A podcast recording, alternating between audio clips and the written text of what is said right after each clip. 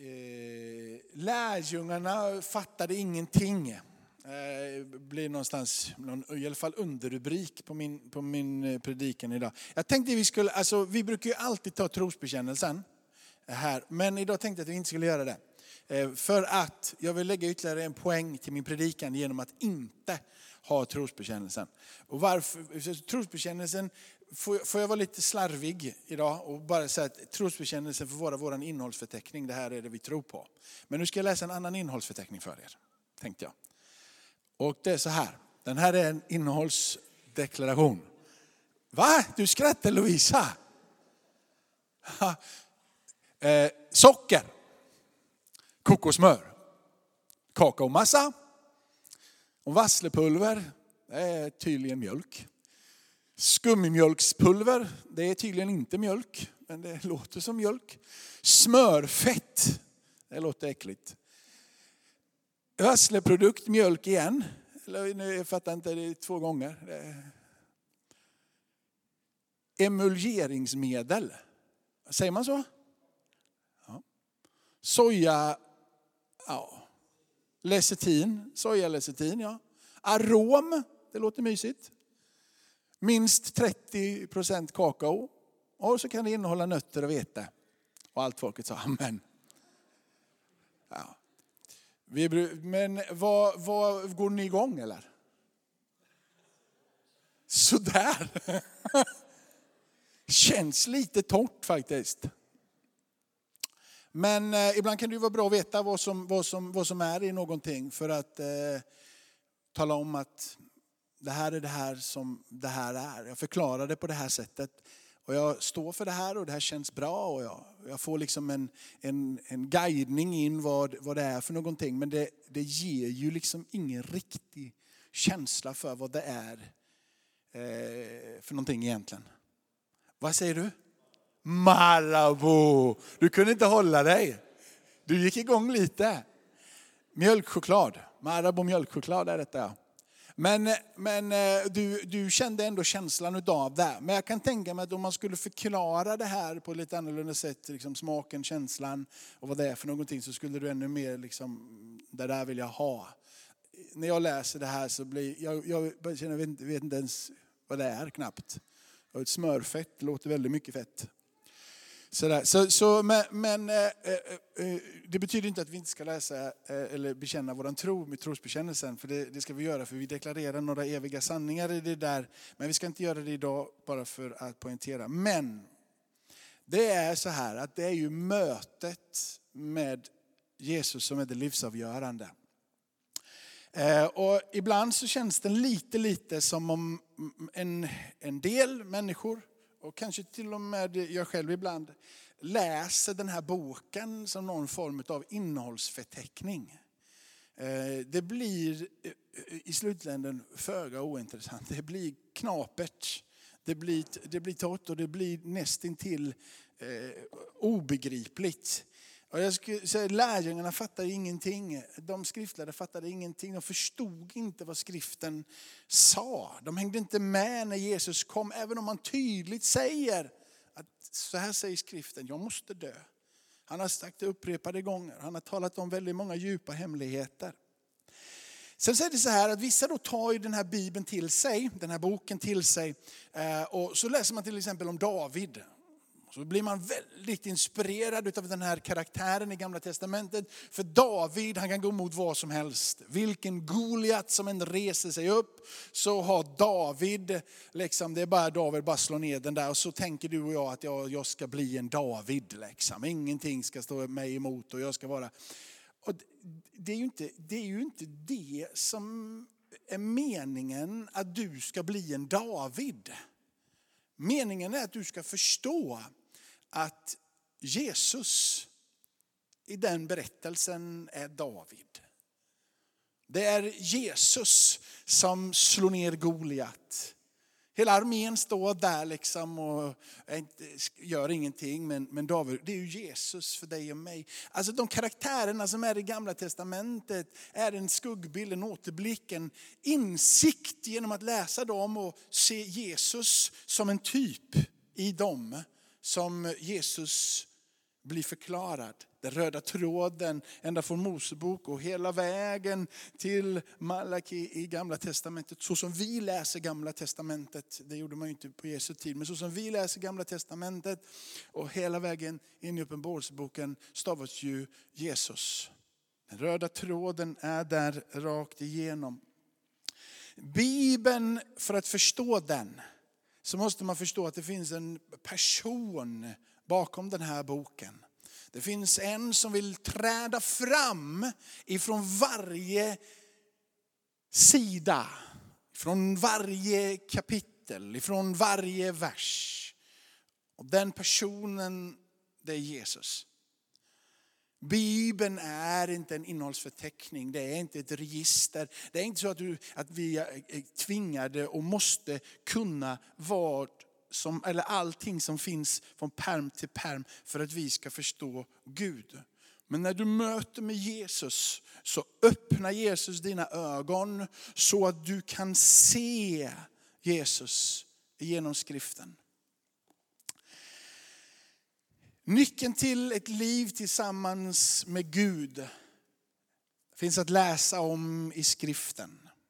Och när du möter personen som framträder i skriften så får du det livet som är ämnat att ha. Lärjungarna när de möter Jesus innan uppståndelsen säger vi tror på det du säger. Vi, vi, är, vi är lite, lite tveksamma ibland, men vi tror på det du säger. Att det som händer är helande under och tecken. De människorna som de möter, de tror på det han säger. De lyssnar på honom, de är till och med villiga att följa honom. Det har lärjungarna där som följer och du har större skara runt omkring. Till och med några kvinnor som följer. Och det är ett gäng som är där och de tror på det han säger. De är, har, Jesus har väckt deras uppmärksamhet. Men när Jesus uppstår ifrån de döda så tror de på Jesus.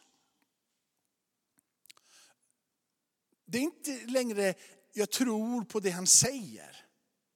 Utan det som han har sagt hela vägen, att jag är dörren, jag är vägen, sanningen och livet. Jag är Guds son och det finns ingen annan väg till Fadern än genom mig. Efter uppståndelsen så säger lärjungarna, vi tror på dig, vi tror på dig. Du är den som vi tror på.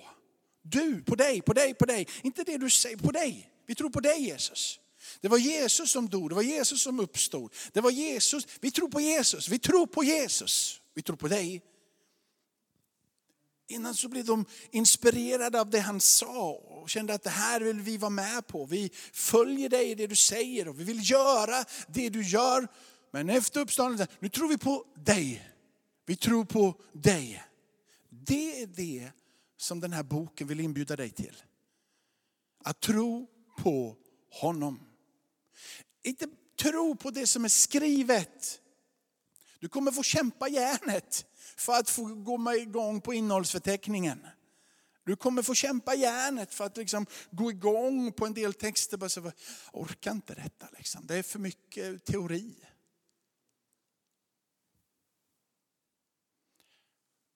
Men den inbjuder dig att tro på honom.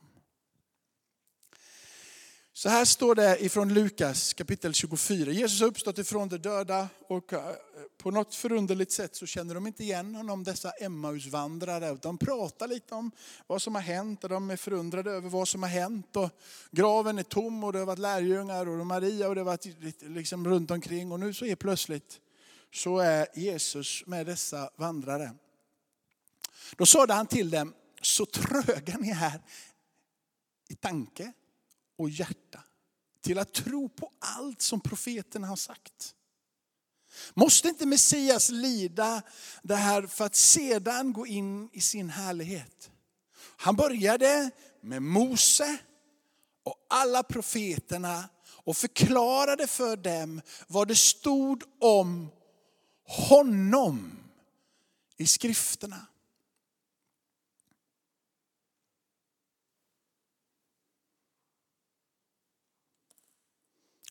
Tänker du att när du läser Mosebok, fem böcker, tänker du att det handlar om Jesus?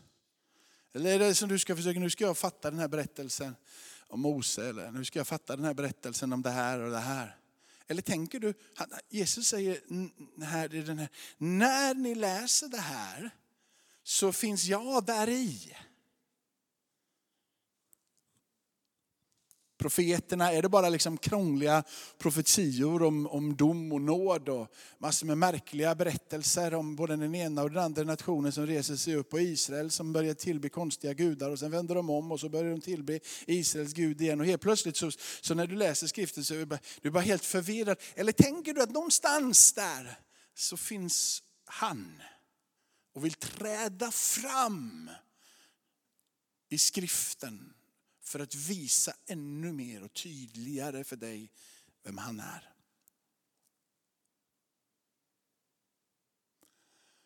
De närmade sig byn dit de var på väg. Och han verkade vilja gå vidare. Men de bad honom ivrigt, stanna kvar hos oss. Det är snart kväll och dagen går mot sitt slut. Då gick han in och stannade hos dem. Och när han låg till bords med dem tog han brödet, tackade Gud, bröt det och gav det åt dem. Då öppnade deras ögon och de kände igen honom. Men han försvann ur deras åsyn.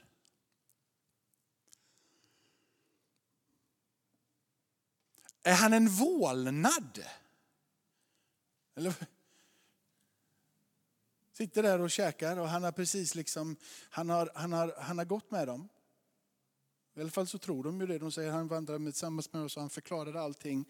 Eh, han pratade i alla fall så vi förstod vad han sa. Och sen så sätter han sig ner, och tar ett bröd och bryter det och så, så liksom fattar de vem han är. Och så poff, blir han som eh, Allar Aladdin i någon, eh, en ande som svävar bort. Han försvann deras åsyn.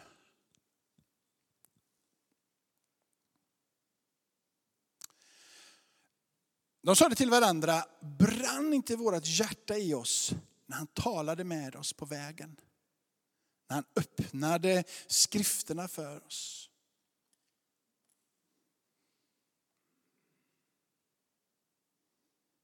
Det känns som att de har haft ett samtal om Jesus.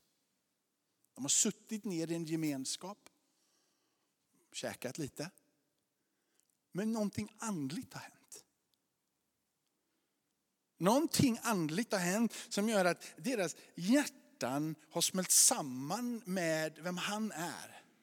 Ögonen har öppnats. Och det som de inte innan kunde uppfatta och se och förstå, är plötsligt där, genom den fysiska uppståndne ifrån de döda Jesus, som uppenbarligen tar ett bröd och bryter det, sitter där med dem har vandrat med dem, pratat med dem. Men någonting andligt har skett. Någonting har gjort att deras hjärta nu ser det som de inte innan kunde se.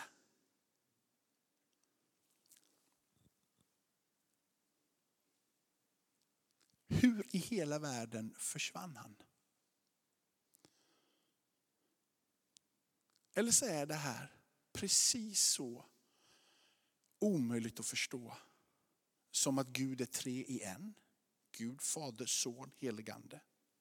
Kanske är det här lika märkligt som om att han faktiskt uppstod ifrån de döda eller jungfrufödseln för den delen. Eller någonting annat som känns som två fullständiga motpoler eller paradoxer. Omöjliga att smälta samman om det inte är för att du faktiskt kan möta med honom. Smaka och se att jag är god.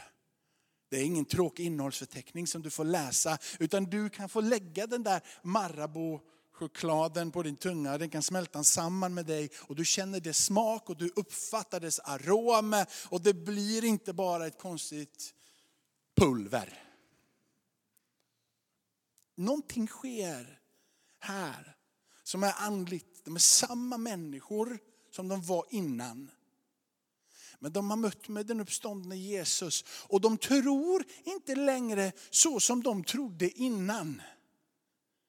För de har skiftat ifrån att försöka tro på det han säger till att bara tro på honom.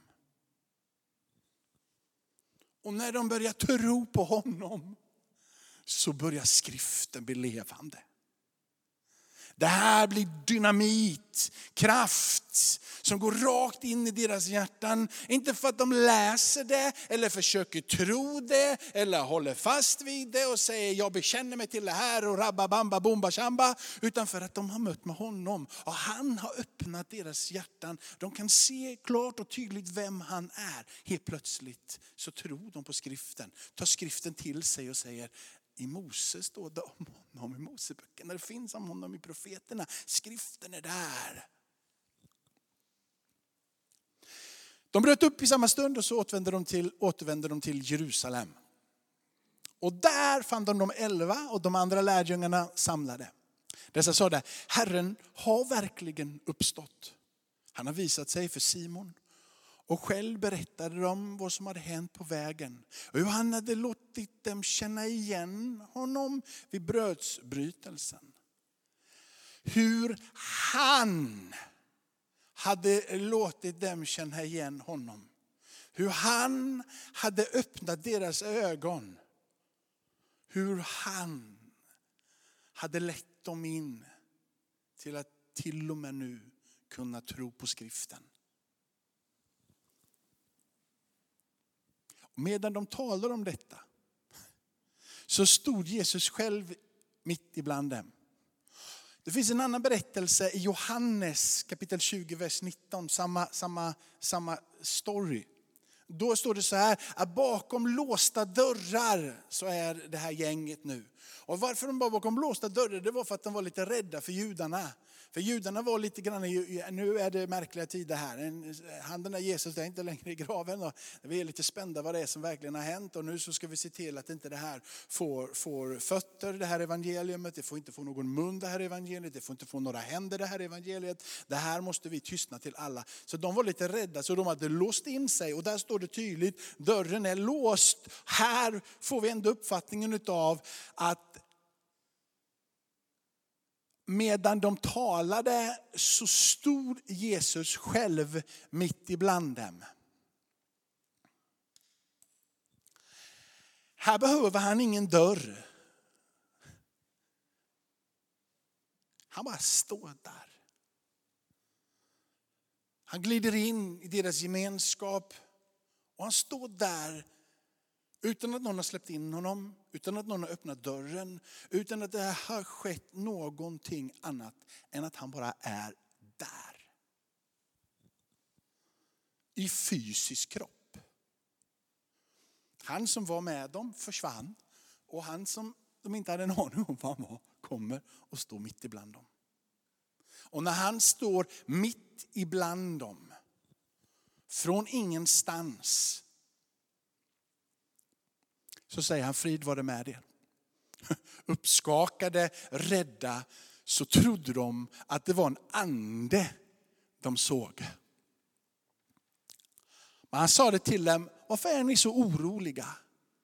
Varför kommer det upp tvivel i era hjärtan? Och så låter han dem röra vid honom. Han öppnade våra ögon, han öppnade våra hjärtan. Han gjorde så att vi kunde tro på honom. Här så säger han, rör vid mig.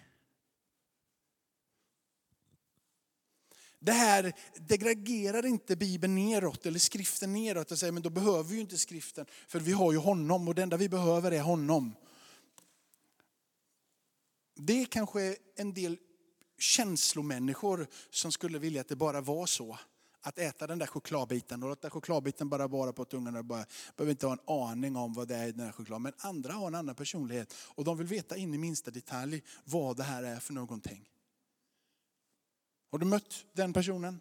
Jag vill veta allt om det här annars kan jag inte längre stå här. Den här personen som säger strunta i vad det står på det där, jag bara vill smaka. Jag bara smaka, smaka, smaka, smaka, smaka, smaka, smaka. Eller hur? De här två olika personligheterna finns. Men båda personligheterna måste få erfara båda sidorna utav det här. Du måste få smaka och bli nyfiken på vad det är i. Men du kan också börja läsa om vad som står här. Och ju mer du kan om sådana där äh, aromer och, och alla de där olika skummjölksgrejerna som fanns där i. Liksom. Ju mer det, till slut så kanske du till och med trillar ner i ditt hjärta. Aha, det är någonting bakom den här innehållsförteckningen. Den här förklarar någonting. Och till slut när du har läst den här innehållsförteckningen så pass många gånger så du är matt i huvudet på att läsa den här. Så säger du, kan jag inte bara få pröva det här då? Eller? Vad läste du? Läste du? Läste du? Läste du? kan det här utan och innan och du kan säga det upp och ner och fram och tillbaka. Men kan jag få testa det? Kan jag få smaka det? Och så går du här borta och så smakar du den här chokladbiten och bara säger att ah, det var så fantastiskt som jag har förstått. Liksom. Jag var så nyfiken på att fatta det här.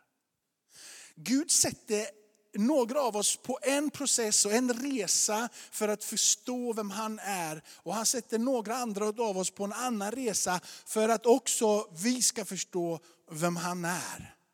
Han för både den som är väldigt intresserad av innehållsförteckningen och den som är intresserad av att bara äta kakan till samma plats. Och det är han. Det är han, det är han, det är han. Det är att få möta med han och bli livsförvandlad utav honom. Klandra inte på den som vill vara mer teoretisk och läsa gamla testamentet och hålla på och joxa och trixa. För det som händer är när du kan det där gamla testamentet är att du vill veta vem är den här Gud? Jag vill ha mer av honom. Jag vill möta med honom. Och de där som åker på, på liksom massor med gudstjänster överallt och du bara tänker fy vad jobbiga de är. De åker där och de ber överallt och de ska hålla på och tillbe och de ska hålla på. Och de Gud kommer ta dem till en resa där de också behöver förstå vad det är de egentligen håller på med. Med tiden kommer de att bli intresserade av innehållsförteckningen. Var så säker. När de har fått tillräckligt många frågor om vad det är de egentligen håller på med så kommer de att hinna lära sig vad det är de håller på med. Och de kommer kunna förklara vad det är de gör. Varför de äter den här chokladen så ofta. Det är nämligen till på det här sättet. Det här är vad som finns i det här. Det finns lite substans bakom det här så kan du förklara. Men det är honom båda två måste gå igenom. Se på mina händer, mina fötter, det är verkligen idag. Rör vid mig och se. En ande har inte kött och ben som ni ser att jag har. Och när han har sagt detta visade han dem sina händer och fötter. När det i sin glädje och förundran fortfarande inte kunde tro frågade han dem, har ni någonting att äta? Då räckte det honom en bit stekt fisk. Han tog dem och åt inför deras ögon. Och han sade till dem, detta är vad jag sade till er medan jag ännu var hos er. Allt måste uppfyllas som är skrivet om mig i Mose lag, profeterna och i psalmerna. Sedan öppnade han deras sinnen så att de förstod skriften. Och han sade till dem, det står skrivet att Messias ska lida och på tredje dagen uppstå ifrån de döda. Och att omvändelse och syndernas förlåtelse skulle komma i hans namn för alla folk. Med början i Jerusalem. Ni är vittne om detta. Och jag ska sända över er vad min fader har lovat. Men ni ska stanna här i staden till att ni har blivit utrustade, eller blivit rustade med kraft ifrån höjden. Jesus kommer på samma sätt som han får göra med sina lärjungar, göra med dig och alla de som ärligt söker honom. Det är att ta den tid det behöver för att dina ögon och ditt hjärta ska förstå vem han är. Alla de som tar sin tid och möda och besvär för att ta reda på vem han verkligen är kommer aldrig någonsin att bli besvikna. För han kommer sitta kvar vid ditt bord och äta tillsammans med dig tills du förstår vem han är. Och han kommer min vän öppna skriften för dig så att när du läser denna heliga bok om en helig Gud kommer att bli förundrad häpnadsväckt. Tagen av vem han är som finns bakom dessa sidor. Han som träder fram. Du kommer inte bli inspirerad som man blir utav Stålmannen om man läser det. Liksom. Jag vill också bli Stålman. Eller du läser om Moder Teresa och du blir inspirerad. Eller du läser om och så Greta Thunberg eller vad hon nu än heter. Och, eller Greta Garbro eller Hans och Greta och så blir du inspirerad. Vad du nu än läser för någonting för att bli lite inspirerad. Det är inte den typen av inspiration som kommer fram. Utan han träder fram. Han som rör ditt hjärta på djupet. Han som blir ett tillsammans med dig. Du smälter samman tillsammans. Okej, okay. har, har, jag, har, jag, har jag kommit igenom på den här punkten? Min känsla är att jag har kommit igenom på den punkten. Så, nu ska jag läsa den text som jag sa till Lovisa att jag skulle predika ifrån i, i, i torsdags innan jag gick hem. Från Hebreerbrevet. Men jag var tvungen att göra detta för att du ska förstå den här, den här, den här texten. För att du ska förstå det här från Hebreerbrevet. Så här, Hebreerbrevet kapitel 4, vers 12 och 13. Guds ord är levande och verksamt. Det är skarpare än något tveeggat svärd det genomtränger tills det skiljer själ och ande, led och märg. Och det dömer över hjärtats uppsåts och tankar. Är det en innehållsförteckning som gör detta? Nej.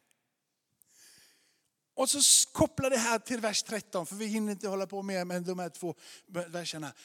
Inget skapat är dolt för oh, honom. Det är skarpare än något tvegat svärd och tränger igenom tills det skiljer själ och andeled om och märg. Och ingenting skapat är dolt för honom, utan allt ligger naket och blottat för hans ögon.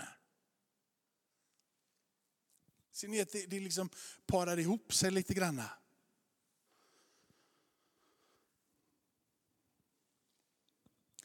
I begynnelsen var ordet och ordet var hos Gud. Inledningen till Johannes evangeliet.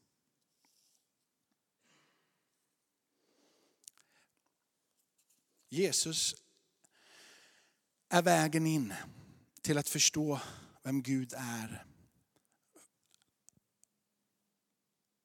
Han är jag är. Sedan Gud i forna tider och på många sätt och många gånger hade talat genom fäderna, genom profeterna, så har han nu i den sista tiden talat genom sin son. Han trädde fram som en människa för att inte ge ett meddelande till mänskligheten om vem Gud är. Utan att ge sitt liv och utifrån hans liv ge dig och mig livsförvandlande liv. Det är inget meddelande han kommer från himmelen. Han kom. Han trädde fram. Inte för att du ska tro på allting som han säger först och främst. Det kan vara en resa och det kan vara en process. Och det för en del tar det lång tid och för en del tar det kort tid. Men han trädde fram för att du skulle tro på honom. Jesus säger, de orden som jag talar till er, de är ande och de är liv. Det blir lite jobbigt om du ska ta upp den här boken och så ska du läsa den som en innehållsförteckning. Och du ska tro på allting som Jesus säger och du ska hålla dig blind till allting som Jesus säger. Men du glömmer av att smaka vem han är. Liv och ande blir det här när det är han som får träda fram ifrån texterna. Jesus säger vi har läst det. Allting måste uppfyllas som står i Mose allting som står i profeterna, allting som står i psalmerna om mig. Om mig, om mig, om mig, om mig, om mig, om mig, om mig, om mig, om mig. När Jesus själv tar ordet så undervisar han ifrån ordet otaliga gånger genom evangelierna. Så läser och undervisar Jesus ifrån skriften. Här hade du ett exempel i kapitel 24. Bergspredikan ytterligare ett ställe där han återkommande citerar skriften. När den onde frestar han i öknen så citerar han skriften. Men kraften ligger inte i att han citerar skriften. Kraften ligger i att det handlar om han. Och han är medveten om att det handlar om han. Han bara refererar till det som Gud har sagt om vem han är. Hans frälsningsplan som är tidlös, som inte har någon begränsning i tid utan sträcker sig från evighet till evighet. Stiger in i tid. Han citerar och talar utifrån Jesaja bok när han, när han är i Nasaret och talar ut i synagogan. Herrens ande är över mig. I samma andetag som han undervisar där så börjar han prata om Elia och Elias. Han pratar och undervisar om Jona. Han nämner Sodom och Gomorra. Trots att denna väldiga guden grep in och dömde Sodom och Gomorra så talar Jesus om Sodom och Gomorra. Bekräftar att det finns en Gud som faktiskt har stigit in i tid och dömt. Men han är också tydlig med att den guden är en nådefull Gud som ville använda profeterna för att resa upp Israels gudsfruktan i dem. Att de skulle förstå vem han är. Han träder in i världen fylld av kärlek, barmhärtighet. Han kommer inte till världen för att döma världen utan för att leda varje människa in i en relation med Fadern genom att dö. Han talar om Salomons prakt och bekräftar hela det som sker i Israel. Han talar om Abraham, Isak och, och Jakob och alla profeterna. Han pratar Jesus om den brinnande busken. Han nämner allting det här för att skapa i dig och mig en nyfikenhet. Inte bara på att läsa evangelierna utan att skapa nyfikenhet i dig och mig för hela det ordet, hela den frälsningsplan som Gud har. Därför är det så gripande att höra en av våra medlemmar här i församlingen som heter Marie Antonsson. När hon blev frälst och döpt för två och ett halvt år sedan så eh, kände hon att någonting kom över henne. En hunger säger hon, en längtan efter att förstå Bibeln. Att få läsa skriften. Det är lätt att förstå allting men hon har börjat en resa för två och ett halvt år sedan. Hon har snart läst Bibeln fem gånger.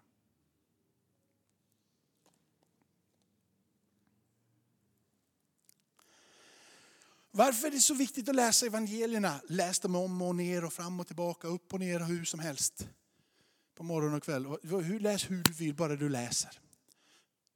Till exempel för att Johannes evangeliet avslutar med både i vers, kapitel 20 och kapitel 21 med att det här är nedskrivet i vers, kapitel 20 för att vi ska kunna tro.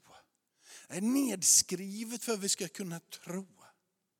För att författaren är övertygad om att han som säger jag är kommer träda fram ur hans evangelium när han förklarar vem Jesus är. Han är övertygad om, ledd av anden, inspirerad av anden som, det, som vi kan läsa i Paulus brev. Att hela skriften är utandad utav Gud, den är nyttig, den finns där. Det, är det största verket utav den heliga ande är hans heliga skrift, Guds ord till oss. Det är det största den heliga ande har gjort. Han har inspirerat människor och så har de med andens hjälp skapat en röd tråd som gör att varje sida är fyllt med Jesus och det strömmar in i ditt liv. Därför är evangelisten tydlig. När jag talar om genom det jag skriver vem Jesus är så kommer ni att träffa och möta han. Det blir ingen innehållsförteckning som inte leder någonstans utan det kommer leda till mötet med honom. Jag ska meddela er det allra viktigaste, säger Paulus. Och jag avslutar nu. Jag vet inte hur länge jag har hållit på, men jag har säkert hållit på sjukt länge. Men Paulus säger så här. Jag ska meddela er det allra viktigaste. Vad jag själv har tagit emot. Att Kristus dog för våra synder. Enligt skrifterna. Att han blev begravd. Att han uppstod på tredje dagen enligt skrifterna. Och att, han undervi- och att han visade sig för Kefas och sedan för de tolv. Därefter visade han sig för mer än 500 bröder på en gång, vilket de flesta ännu lever, medan några är insomnade. Detta är skrivet av Paulus. Det finns människor som har mött den uppståndne. Det är han ni ska tro på, enligt skrifterna honom och skriften. Ordet. Han är ordet. Det här är en introduktion till att lära känna honom. Han är det levande ordet. Amen. Låt oss be tillsammans. Och så ska vi be att det får resa sig upp en iver på din insida. Att smaka och se att Herren är god. Vi dröjer kvar en stund idag och ber för varandra. Vill ha förbund så kommer du, annars så kan du be där, be en granne eller bara prisa du Gud. Men låt det få ske idag Gud över mina vänner som är här. Låt det få ske att skriften börjar brinna för dem. Träd fram och visa dig. Genom varje kapitel, genom varje vers. Låt den här boken få andas liv i dig. Tack för att du leder genom ditt ord in i mötet med dig. Låt mina vänner få erfara det. Tänd en hunger på deras insida efter att få läsa skriften. Öppna deras ögon. Öppna deras ögon. Vi har läst det, att du öppnade deras ögon. Du satt med dem, du förklarade vem du var och du tar den tiden med var och en av oss. Jag ber att den som är här och har brottats eller lyssnar på det här hemma och har brottats och brottats och inte kommit dit till den punkten där du har öppnat ögonen fullt ut för ordet och ordets betydelse, andens verk. Jag ber Herre, Herre, gör det idag. Låt det få ske. Låt det få ske i den här stunden av bön, av tillbedjan, när vi söker ditt ansikte. Låt det få ske idag.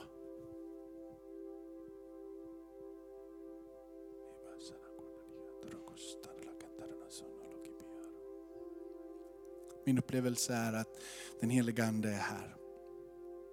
Min upplevelse är att, att Jesus går i bänkraden.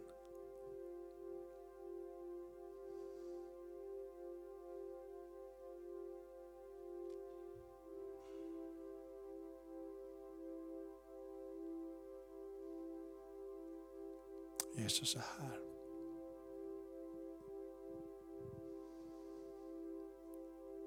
Jesus är här. Och han stod mitt ibland dem. Han stod mitt ibland dem.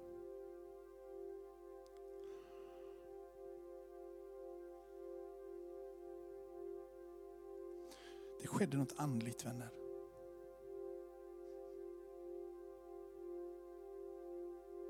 För Emmausvandrarna. Varje person som möter med Jesus sker det någonting andligt. Det är någonting på insidan som öppnar sig. Bara ropa, Gud öppna mina ögon. Det var han som öppnade ögonen. Han, han, han. Jesus öppna ögon. Jesus ge oss öppnade ögon.